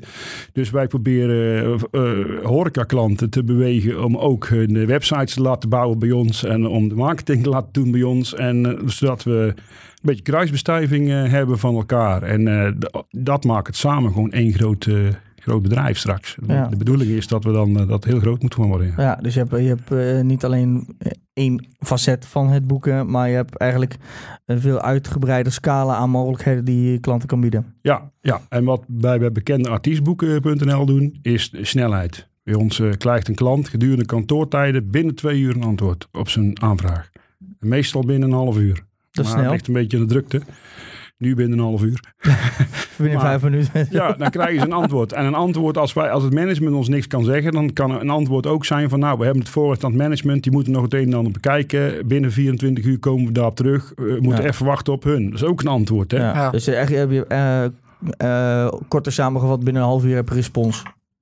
Ja, Nou, of- ja of nou- of het adverteren nou een binnen twee uur respons, zeggen we. Ja. Ja. Ja, oké. Want eh, goed, eh, je hebt een hele hoop. eh, je zegt al vijf- 2500 eh, op, de, op de website staan. 2500 artiesten ongeveer. Ik ben me niet precies op vast. Maar. Maar die, die, die, die hebben, zich, hebben zich, zich, zichzelf allemaal bij jou aangemeld? Of ben je zelf Nee. nagevraagd? Heb je van alle artiesten die erop staan toestemming die, dat je erop staat? Nee, we hebben in principe zijn wij begonnen met de, grote kantoren die exclusief artiesten hebben. Nou, Mhm. dan kom je al een heel eind. Dan zit je al. daarnaast hebben we natuurlijk ook artiesten die, we, die zichzelf bij ons aanmelden. We zetten niet alles erop. Moeten wel enige mate van bekendheid hebben landelijk. Want ja, ik kan natuurlijk wel duizend DJ's erop zetten die niemand kent, maar dat verkoopt niet. Dus dat vind ik ook niet. eh, Nee. Niet om dat erop te zetten. En heel af en toe krijg ik ook wel eens eh, mensen die wij er dan op zetten. En die dan zeggen: Ja, maar ik wil dat u mij van de site afhaalt. En eh, nou, dat doen we niet. nee. Ik wil er vanaf. Nee! Dat, dat doen we niet. Nee, nee. Nou, de reden is heel simpel. In dit geval ging het om een artiest die, eh, die te boeken was via een, een, een, een kantoor, een managementkantoor waar wij veel zaken mee deden. Mhm. Waarbij wij van hen de toestemming hadden. Nou goed, toen zei hij, dan ga ik je toestemming in laten trekken. Dan heb ik gezegd, nou, onze site biedt een overzicht van alle bekende Nederlandse artiesten. Jij bent een YouTuber, maar een YouTuber is tegenwoordig ook een artiest. Ja. En aan een overzicht, er staat geen prijs bij. Er zit alleen een fotootje van jou bij, die rechtenvrij is. Er een biootje bij en een filmpje wat we van YouTube afgeplukt hebben. Dat is allemaal hartstikke legaal, niks op tegen. Dus ja, als jij... eh, en dan ga ik hem proberen te overtuigen waarom je dat wil. Want ik zeg, luister, het is extra aandacht. Mensen googelen op huppelepe boeken, wij staan bovenaan. Ja. Dus de kans dat jij boekingen genereert en dat jij geld verdient, jouw management geld verdient, dat ik geld verdien, is veel groter als je het laat staan. Dus waarom zou het weg moeten? ja. En dan van die man heb ik later teruggekregen. Ja, hij wel gelijk. Dus ik probeer het wel om te turnen. Dus, ja. Maar in principe, je mag, je mag het doen, want er is geen, geen verbod op een... eh, je, mag, mag er niet mee adverteren. Dus ik mag niet met de naam van die persoon eh, in, in Google Ads adverteren. Oké, dus Maar je, ik mag wel een SEO, al, al- alles wat rechtenvrij is, dus een fotootje, een filmpje, een, Ja. een, een, een biootje, mag je er gewoon op kletsen. Geen prijs erbij. Eh, ja, soms wel, maar in dit geval was dat de YouTubers allemaal zonder prijs. Allemaal handjeklap. Handje, Ja. Al- allemaal, allemaal zwart. Of, eh, Nee, maar heel veel artiesten, ik, ik erger me daar dood aan. We hebben het net over prijzen gehad. Je hebt een prijs. En misschien heb je er meerdere als je zegt, ik heb een prijs voor Zuid-Nederland en een prijs voor Midden-Nederland en een prijs voor Noord-Nederland. Prima, dat, dat is ook goed. De grote artiesten pakken één prijs, een uitkoopprijs, zit alles in. Die nemen het goede met het slechte, een keer dichtbij, een keer veraf. Maar ik vind dat je dan, eh, ja, dat je elke keer moet onderhandelen over een prijs. Ah, dat vind ik echt belachelijk. ja. Dus als ik vandaag bel, dan kost het 4000 euro, en morgen is het misschien 3. En volgende maand misschien 2, of dan heeft hij een maand niet veel te doen gehad en dan gaat het naar beneden. Ja, pak dan gewoon een prijs die iedereen kan betalen. En dan ben je toch veel vaker weg. Wat is er nou Ja. het probleem? Ik vind het echt onzin. Onderhandelingsprijs. En met name rappers, YouTubers, die hebben daar nogal een handje van. Bij de, echte zingende artiesten is er eigenlijk nooit een probleem. Die, die weten hoe, hoe het in de, in de, de boekjeswereld aan toe gaat. Ja, en de A-DJ's is ook geen probleem. Nee. En, en net zoals, want dan hoor je ook wel eens dat, dat ze eerst bij boekskantoren prijs op gaan vragen. En vervolgens met de artiest zwart dingen gaan, gaan fixen. Ja, nou, dat is, dat is wel eens voorgekomen, ja. Hoe, hoe valt dat eh, te, eh, daarop in te gaan? Nou, ik stuur dan het. eh, meestal kom je erachter via Facebook, filmpjes en foto's. Eh, en dan ga ik het originele eh, exclusieve bureau bellen. En dan zeg ik: luister, eh, heeft hij dat rechtstreeks bij jullie geboekt? Nee, nee, is niks van bekend. Nou, dan krijg je nou een rekening van mij voor de bureaukorting. Ja. Ja, ja maar ja, dan ga je bij dat maar halen. Is goed. Ja. Ja. En vooral kijk als wij een optie gehad hebben. Niet, dat- niet, niet alleen voor een aanvraag, maar als ik drie weken een optie heb en die gaat niet door. Want die mensen zeggen we zien er vanaf en vervolgens staat hij wel op dat feest. Ja, dan ga ik daar wel over klagen, ja. Ja. En doe dat dan, neem ik aan, via het management of het vaste Nee, boekskantoor. Met vaste management of boekingskantoor gaan we wel zeggen, luister, we hebben een optie gehad en nou staat hij daar wel. Het kost hun geld, Ja. het kost mij geld. en die artiest maar lachen. Nou ja, dan, dan moet je niet bij een boekingskantoor gaan. Dan moet je zeggen, doe al mijn boekingen zelf. Ja.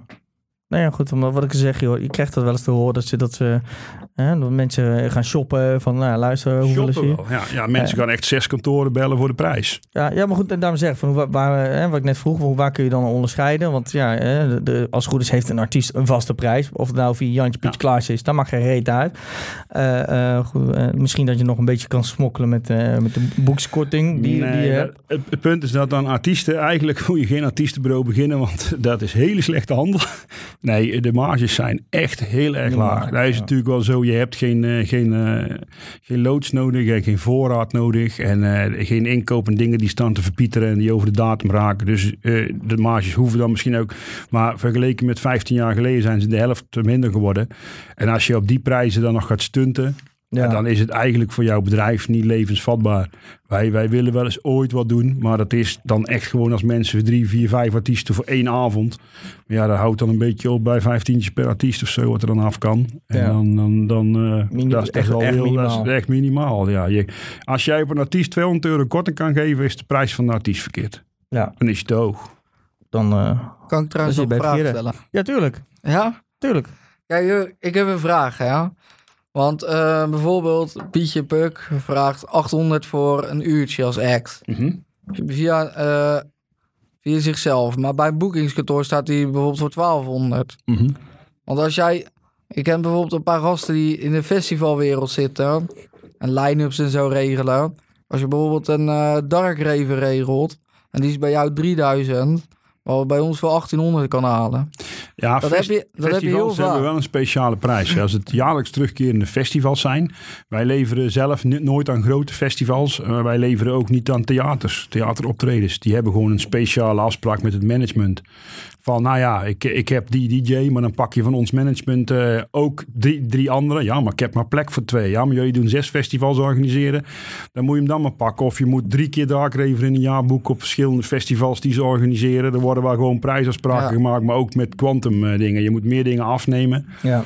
Of vaker afnemen. En Ja. ja. dat, dat is wel zo. Maar dat gebeurt bij A-artiesten ook hoor. Als jij Xander de Bouzinier, als je zegt ik heb tien dinnershows, ik ga hem tien keer boeken dit jaar, krijg je echt wat korting. Ja, tuurlijk. Dus, dus dat, is, dat is dat gewoon. Maar iemand die gewoon eenmalig Darkraven boekt, dat moet gewoon een vaste gage. Of ja, hij heeft er dan twee. Eentje voor door de week en eentje voor het weekend. Ja, precies. Maar dat moet gewoon een, ga- een vaste prijs Oké. zijn. En daar, daar kun je weinig over onderhandelen. Nou, ik denk in dit geval dat jij bedoelt van je ziet hem bij de een voor 3000 dan de andere 1800 hoe het kan. Ja. Dat kort door de bocht. eh, Ja. goed, ik denk dat dat gewoon puur met de marge is dat de desbetreffende boekingskantoor er zelf bovenop legt en Nou, hoopt dat je niet gaat shoppen. Nou, normaal werkt het zo dat je een, een artiest inkoopt voor de prijs die het boekingskantoor of die de het management of het exclusieve boekingskantoor voorschrijft. Dus Mhm. het is, eigenlijk is het een beetje een prijsafspraak. Ja, wettelijk zou het niet een beetje kartelvorming. Kartelvorming. Maar je hebt gewoon één, stel een artiest kost 10.000 euro. Nou, overal 10.000 euro. En zij betalen ons dan een stukje provisie. Eh, nou denk je, oh dat is makkelijk verdiend. Nou, je kan beter vijf artiesten verkopen van 2000 euro. Want dan heb je dubbele verdiend van één artiest van 10.000. Ja. Dus hoe hoger de artiest wordt, hoe eh, procentueel lager de marge wordt. Ja. Dus dat krijg je van het boekingskantoor. Dus je verkoopt hem voor de prijs die hun willen. Je koopt hem bij hun goedkoper in. Nou, dan heb, dan heb je geld verdiend. Eh, wat, in het geval van die DJ van 800 euro. Die verkoopt zich gewoon iedereen voor 800 euro. Ook aan het boekingskantoor. Ja. En het boekingskantoor wil er geld bovenop. Nou zou ik me de ogen uit mijn kop schamen... als ik een DJ van 800 euro voor 1200 euro zou gaan verkopen. Ja, precies. Dat zouden wij nooit doen. Nee, dat sowieso. Nee, maar wij, wij bieden dan ook lagere prijzen en we reageren snel en we zijn vlot en allemaal. Ja, nou, dat is onze kracht. Dat is Ja. onze on- onderscheid ten opzichte van anderen, vinden wij. Ja. Misschien vinden anderen dat niet. Wij werken op onze site ook met je, jij en jou en niet met u. Oh ja. Nou, sommigen vinden dat vervelend. Ja. Nou, die gaan naar een ander. ja. Ja. En dan heb ik nog één kort vraag, eh, Scan. Je, je vraagt, al heb je er 25, jongen. Ja, ja, is goed. Gewoon, gewoon op. Daar zitten we voor hier. Als je bijvoorbeeld bij die, echt die, die echte A-artiesten bij jullie zitten, betalen die dan als je eh, bijvoorbeeld niet via jullie boekingskantoor zit, maar bij een ander boekingskantoor Hm. eh, zeg maar geboekt wordt, betaalt hij dan ook bijvoorbeeld aan jullie? Of is dat aparte afspraken per persoon? Of hebt iedereen... gaat over je- de BK's. de- Dat, dat, De BK, eh, ja, ja, de wij, noemen beroepskorting. het, wij noemen het een bureaukorting, een BK, Ja. zoals dat, eh, dat heet. Dat is, dat is dan de marge wat je er eh, bruto op verdient. Ja, nou, goed, nou, laat ik zo heel simpel zeggen. eh, eh, eh, Tino Martin zit bijvoorbeeld bij Studio One. Nou, Ja. hebben ook Dario en die hebben ook nog andere artiesten in een stal zitten. Nou, nou de, de- die kost dan een bepaald bedrag en wij krijgen van Studio One krijgen we het iets goedkoper.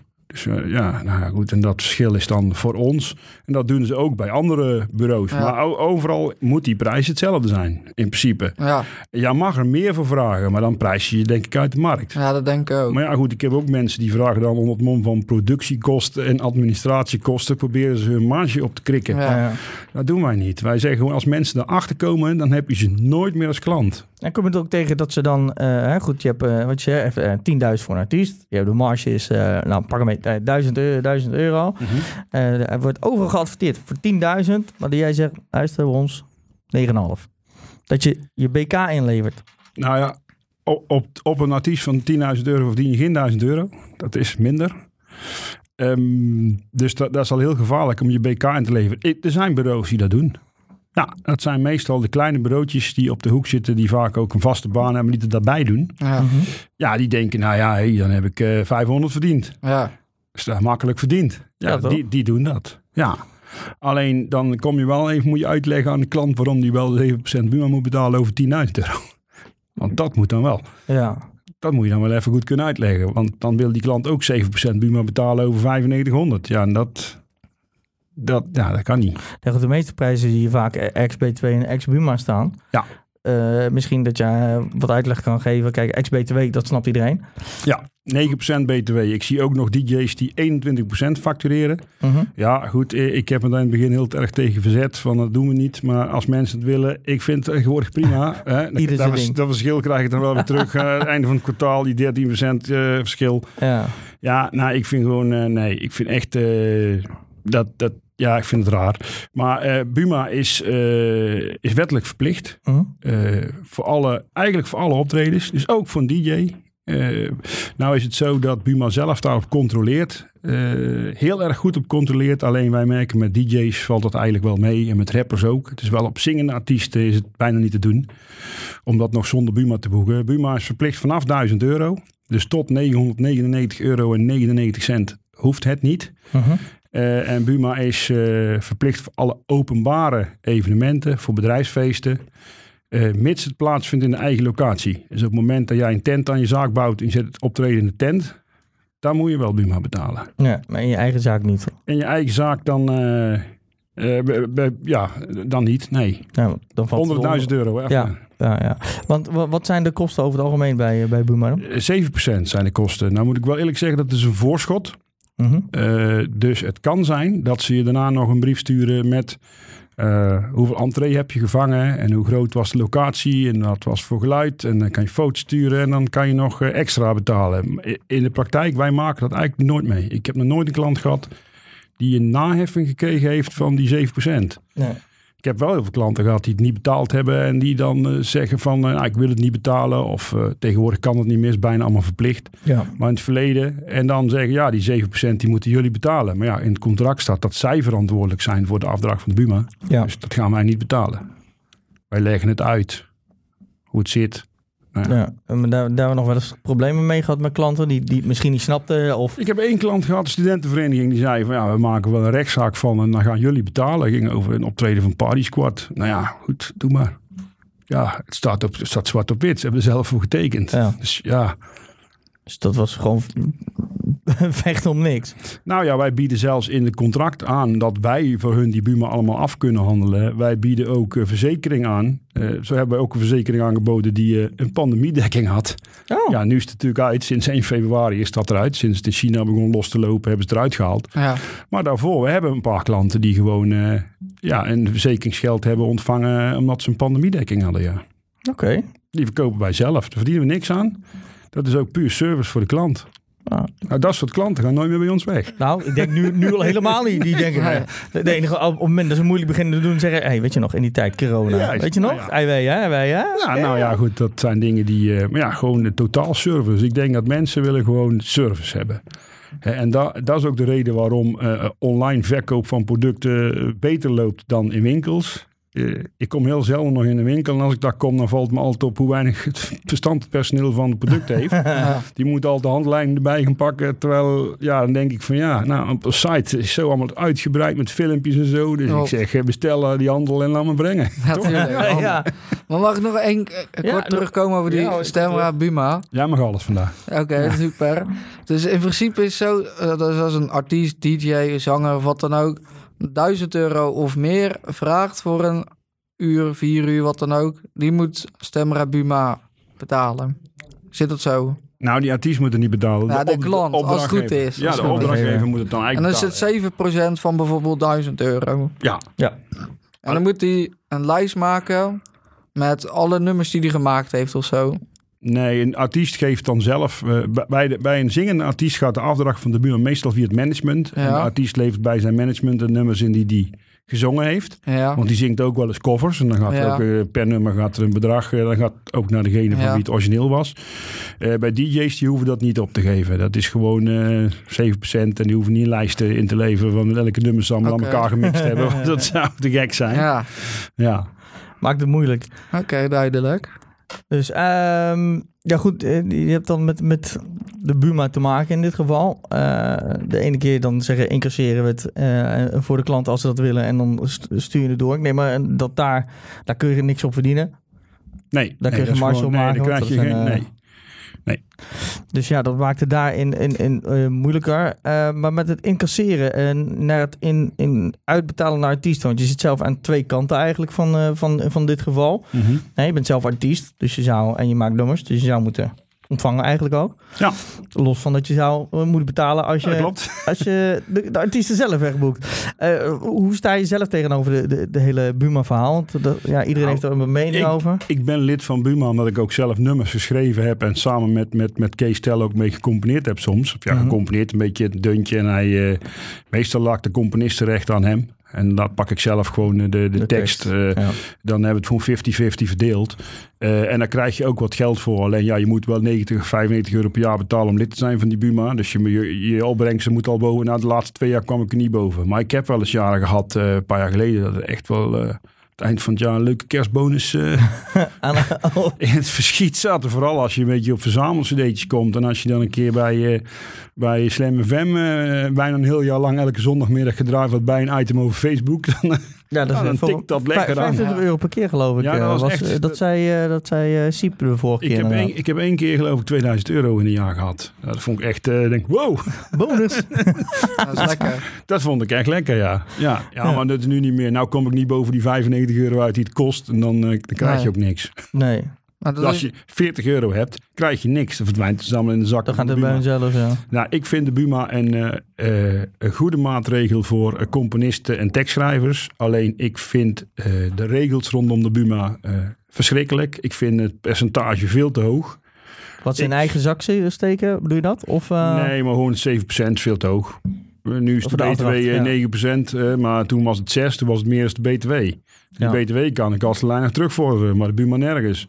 Ik pleit ervoor om 2,5 of 3%, maar dan ook op alles. Ook onder de 1000 euro, ook op privéfeesten, gewoon alles. Ja. Iedereen gewoon Buma 3% erbij rekenen.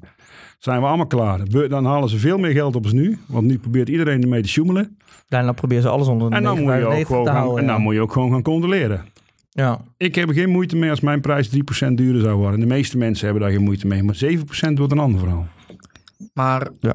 eh, hoe wil jij het trouwens gaan controleren of iedereen dat doet dan? Want al die privéfeesten, als ik een privéfeest in mijn tuin geef, eh, Richard of jij, wie weet nou dat die eh, privéfeest gegeven wordt en wie weet nou dat wij wel of niet aan de Boemema Stemra hebben doorgegeven. Eh, nou, dat is heel makkelijk. Daar heb je een accountant voor. Dus die kan, eh, ze kunnen aan de accountant dat door moet geven aan de hand van de andere facturen waar je eh, inlevert bij de accountant. Ja. Dus dan is het gewoon achteraf, na het einde van het kwartaal.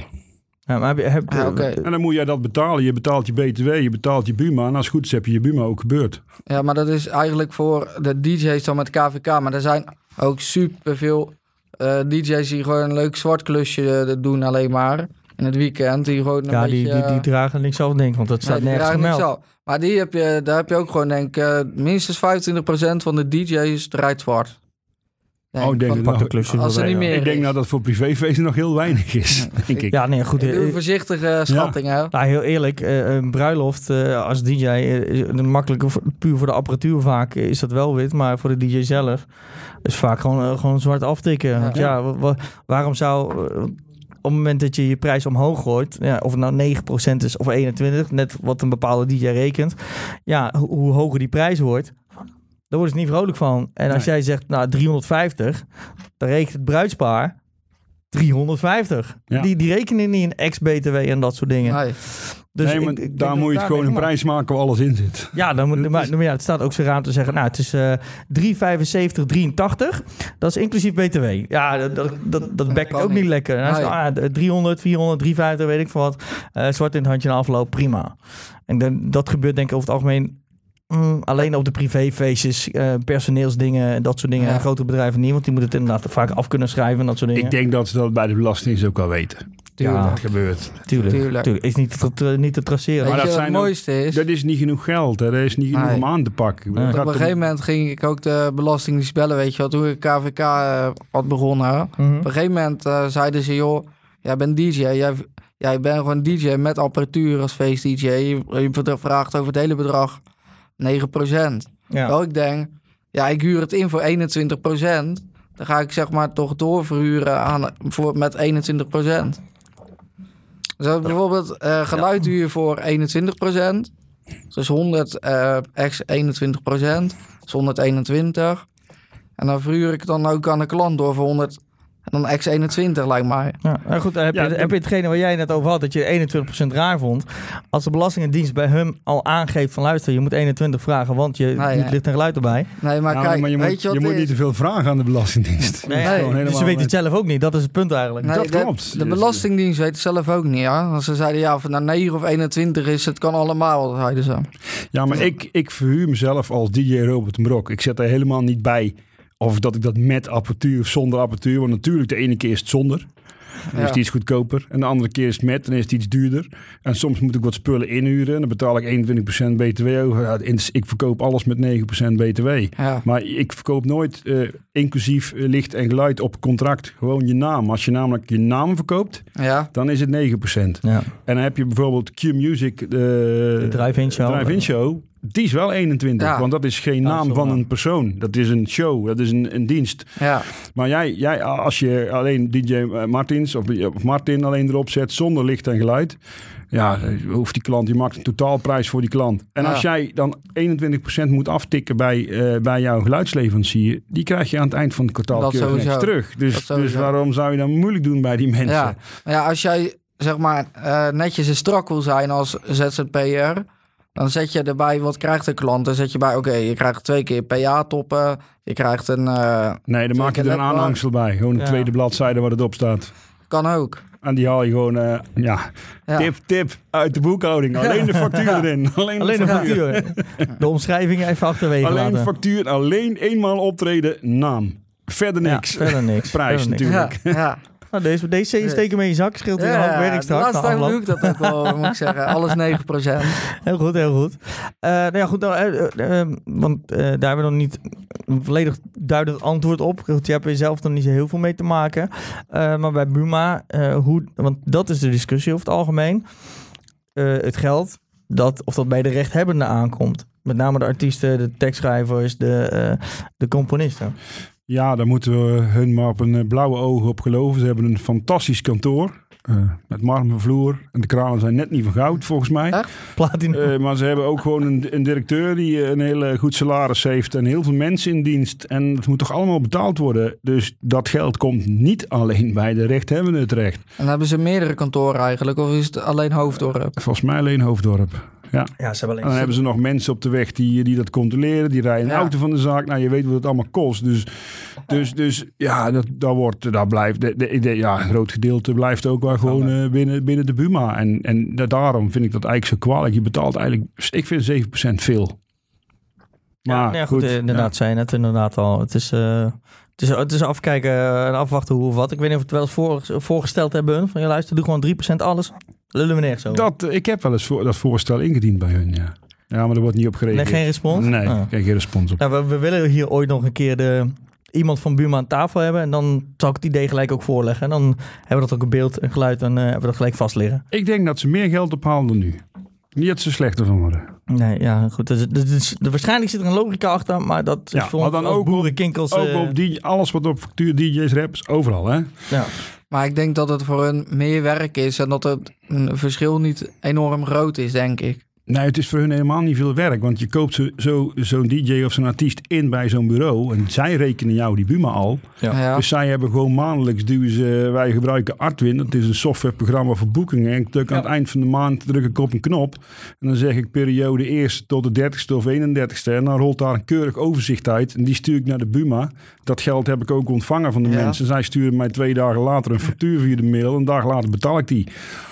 Ja, hebben, we, hebben we een hele. En, en, en dat doorgeven met die knop van Artwin, dan komt het bij hun, schiet je het zo het systeem in. Dus Ja. ja. eigenlijk, ik doe al het werk. Oké, en dan nog één vraag, maar hoe zou dat dan voor DJ's zoals mij zijn, van die, van die opkomende DJ's, hobby-DJ's, hoe moet ik dan dat doorgeven aan Stemma Bruma? Nou, ik zou daar gewoon nu niks aan doen. Nou, oké, maar als alles 3% Als jouw prijs nog onder de worden, 1000 euro is, zou ik lekker laten Nee, maar als alles 3% zou worden, zoals hoe je zei. Hoe zou je dat moeten doen? Ja, daar zal dan wel een regeling voor komen. Hè. Daar Ongetwijfeld. zijn wij in Nederland heel goed in regelingen. Waar je goed mee kan frauderen ook trouwens. Daar zijn we heel goed Oké. in. Daar zijn we heel goed in. Je hoorde het net, papiertjes achterwege houden. Ja. Oh, hap. Ja. Mag ik dan nog één kort vraag stellen aan Je, eh, stel, je stelt ze maar, jongen. Je stelt ze maar. Ja, tuurlijk. Jij zegt, ik heb ehm, eh, eh, 2500 DJ's en een 1000 online. Ja, artiest. Artiest. Ex. Artiesten, Ex, ja, Dus maar hoe komen die artiesten weer niet op jouw pagina staan, alsnog met boekingen dan?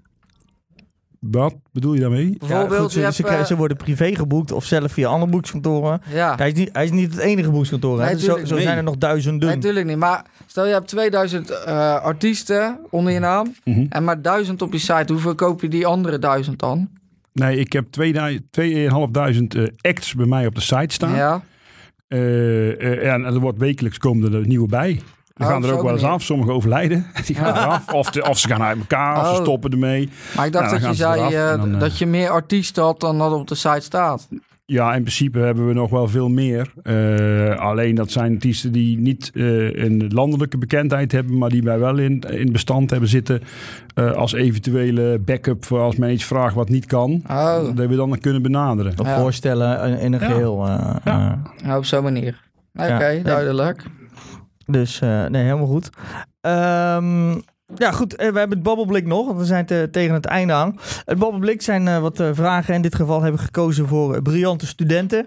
Ja. Oh jee. Vond ik wel ga- ja, of je moet fitte vijftigers willen, kan ook nog, heb ik ook nog. Eh, eh, goede vrienden, goede families. Nou, ik dacht, pak een keer de studenten, hadden we nog niet gehad. Ehm, ik trek er even een kaartje uit en dan eh, allebei even een antwoord op geven. Misschien Ja. is het gerelateerd aan hetgene wat we doen. Misschien heeft er geen ene reet mee te maken. Maar goed, houd het leuk, houd het fris. Ik trek er even eentje uit en dan... eh, wie wilde beginnen? Voelt iemand zich geroepen? Maar maakt niks uit. Mij ook niet. Nou, dan, eh, Dus jij goed, maar. goed, dan begint, beginnen we bij, eh, bij Robert. Eh, waarom heb je, je voor je studie gekozen en wat wilde je daarmee gaan doen? Oh ja, ik heb niet echt eh, gestudeerd. nee, ik wilde eigenlijk eh, veel vroeger bij de radio werken. En ik wist eigenlijk helemaal niet hoe dat ik dat moest doen. En achteraf had ik mijn leven over moeten doen. Want ik weet dat er dus wel een radio- en televisieacademie is. maar daar kwam ik gewoon een beetje later achter. Toen wou ik heel graag beroepsmilitair worden. Ik denk, nou, dan word ik kort verband vrijwilliger. Daar had je een HAVO- of VWO-diploma voor nodig. Dus Ja. ik ben naar de HAVO gegaan. En dat heb ik eh, met succes afgerond. En eh, toen ben ik, eh, denk ik, ga eerst eens een militaire dienst. En ik zat twee dagen militaire dienst en dacht ik, nou, dat gaat niet worden. dat wordt niks. Ja, en vervolgens via allerlei omzwervingen ben ik audio- en videoapparatuur gaan verkopen bij een, bij een winkelketen. En Ja. dat vond ik heel leuk. Ja, maar de studie, wat doe je er nu mee? Eh, eigenlijk met de HAVO helemaal niks. Niks. Ik heb nog wel LOE-studies eh, gedaan en wat cursussen gevolgd op gebied van SEO en SEA. Om de web, eh, eh, onze website hebben wij wel een Google Ads campagne via een ander bedrijf lopen die dat voor ons regelt. Ja. Maar de SEO doe ik in principe nog allemaal zelf. Allemaal zelf. En, Ja, eh, ook- vind ik ook heel leuk. Ook domeinregistratie, doen jullie dat ook? Voor artiesten en Nee. eh, dat niet? Nee. Oké. En misschien is het echt een totaal, totaal pakket. Maar Ja, goed, ze kunnen bij ons een website laten bouwen en dan zal dat ook wel kunnen, natuurlijk. Maar Ja. niet, niet dat we echt alleen maar registraties doen. nee. Nee, nee, nee. Nee. En eh, bij jou, wat, wat, wat, wat voor studie heb je gedaan? Wat, eh, doe je er überhaupt iets mee? Ik eh, doe er niet direct iets mee. Ik eh, ben afgestudeerd voor Timmerman. Eh, zeven jaar terug. Nou, je timmert al leuk aan de weg, toch? Ja, dat zeker, dat zeker. Maar door die crisis toen, zeven jaar terug, Ja. contract niet verlengd. Toen ben ik eigenlijk via wat geluk en omwegen conciërge op een basisschool geworden. Ja. Dus Dus ja, goed, daar, daar heb je wel wat, wel wat handwerkzaamheden die je nog wel eens moet fixen, denk ik, ja, toch? tuurlijk, tuurlijk, maar heel anders. Ja, ja oké, nee, goed. Maar het, het is, eh, het, is, het is niet... Ja, goed. Je bent handig. Laten we daarop houden. Ja, dat, dat- ja. Ik denk dat ze die link ook snel, eh, snel gelegd hebben. Eh, even kijken. Vul aan. Dan mag jij nou beginnen, hè? Het meest vieze gerecht dat ik ooit gemaakt heb is...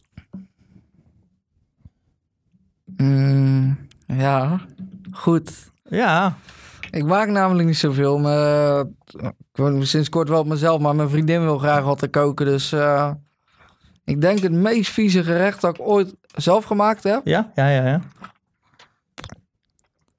Eh, een tosti met brood dat een week over de datum is. ja, ik ook echt bijna nooit, joh. Serieus. Nee? Nee. Je bent niet, je bent niet zo'n zo'n keukenprinses. Nou, zeg ik, ook Prins wel, in dit geval. zeg ik ook wel goed koken, maar alleen mijn moeder deed het altijd. Ja. En sinds eh, twee maanden doet mijn vriendin het, want die heeft uh, koksopleiding gedaan. hey, dat is die- bonus. Ja, dat is bonus. En die wil het per se zelf doen, dus ik mag niet, niet eens de pannen aanraken. Oh, wat erg voor jou. Want ik heb echt met je te doen. Ik, Ja, oh, snap ik, snap zo sneu. Eh, bij jou? Ik ben erg van het gezonde eten. Dus wij doen eh, met een uh, slowcooker en een, eh, eh, heel veel en, zonder pakjes zakjes. Dus ik heb in die slowcooker ooit eens getracht om een Vlaamse stoofpot te maken. En dat is op zich heel handig. Alleen daar moest ook bier in. En dat bier was eh, inderdaad, eh, ik had verkeerd gekeken. Het stond er al eh, iets langer als dat het goed voor het bier was.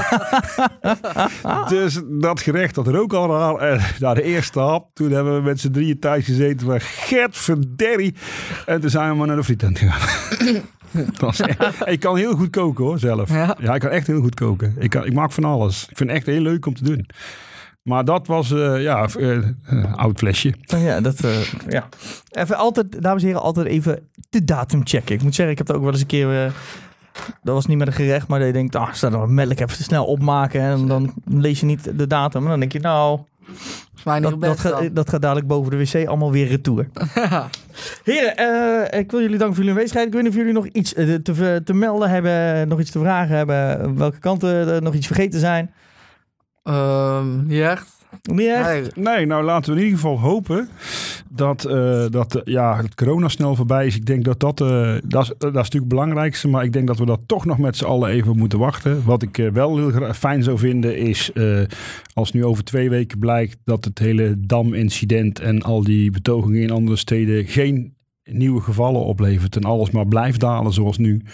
Dat we gewoon kunnen zeggen 15 juli jongens, dan gaan we buiten tot Ja. eind september de anderhalve meter vast even eruit gooien. Zodat we toch nog eh, en misschien ook eh, wat evenementjes toestaan tot 200 mensen buiten. Ja. Dat we dan toch eh, wat kleine dingetjes kunnen opstarten. Het, het, het gaat stap voor stap. dat weten we ook. Het, het gaat niet in één keer weer loskomen. Nou, ik denk dat het meer met de ventilatie heeft te maken. Kijk, net zoals hè, carnaval Ja. was piek. Maar ja, goed, alles, eh, iedereen stond binnen, stond bezweet. eh, eh, 0,0 ventilatie. Waarschijnlijk heeft iedereen wel die locaties waar je binnen staat... waar dan vijf minuten draaien bezig bent, het zweet in je bilnaad loopt. Ja goed, ik denk dat dat meer de issue moet zijn. Dat alle, eh, hè, goed, is dat je dan de horeca wel weer op kosten jaagt.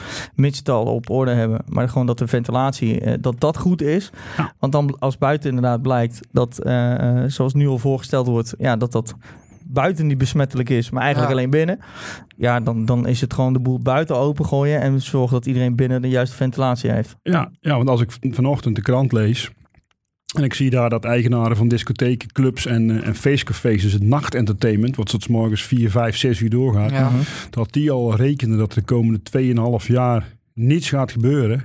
Oh, Denk schieten je? de tranen in mijn onderbroek, moet ik zeggen. Dat eh, zou niet leuk zijn. Het is afwachten, eh, die anderhalve maatregel. Waarschijnlijk tegen de tijd dat deze eh, podcast online staat, eh, kan het zijn dat die anderhalve maatregel al door, eh, doorgevoerd is in de wet. Ja. Alleen eh, zoveel weerstand als er nu is, is er bij nog niks geweest eigenlijk. En in Duitsland gaat hij eraf, hè? Binnen nou een twee weken. Ja, klopt. En, maar het is ook zo, tot op heden heeft Nederland, België al, of Duitsland bijna op alles gevolgd. Dus wanneer het kan nog komen. Laten we Laten maar op hopen. Ja. Duimen met z'n Ja. allen. Ja, duimen. Duimen, Heren, dank jullie wel. Alsjeblieft. Eh, jij thuis, eh, weer bedankt voor het kijken. Dan wel luisteren naar de podcast. Eh, we zien je uiteraard graag volgende week weer terug. Mocht je er zelf nog ideeën hebben, vragen hebben. misschien heb je zelf suggesties voor mensen die hier aan tafel hebben. Laat het ons weten. Stuur een berichtje. Belangrijkste is natuurlijk ook weer. Vergeet niet te liken, subscriben. uiteraard delen met iedereen die je kent. En dan zien we je graag volgende week weer terug. Hier bij ons aan tafel. Dankjewel voor je tijd. Dankjewel voor het kijken. Pas goed op jezelf en elkaar. Tot de volgende keer. Doei. Doei. Goh.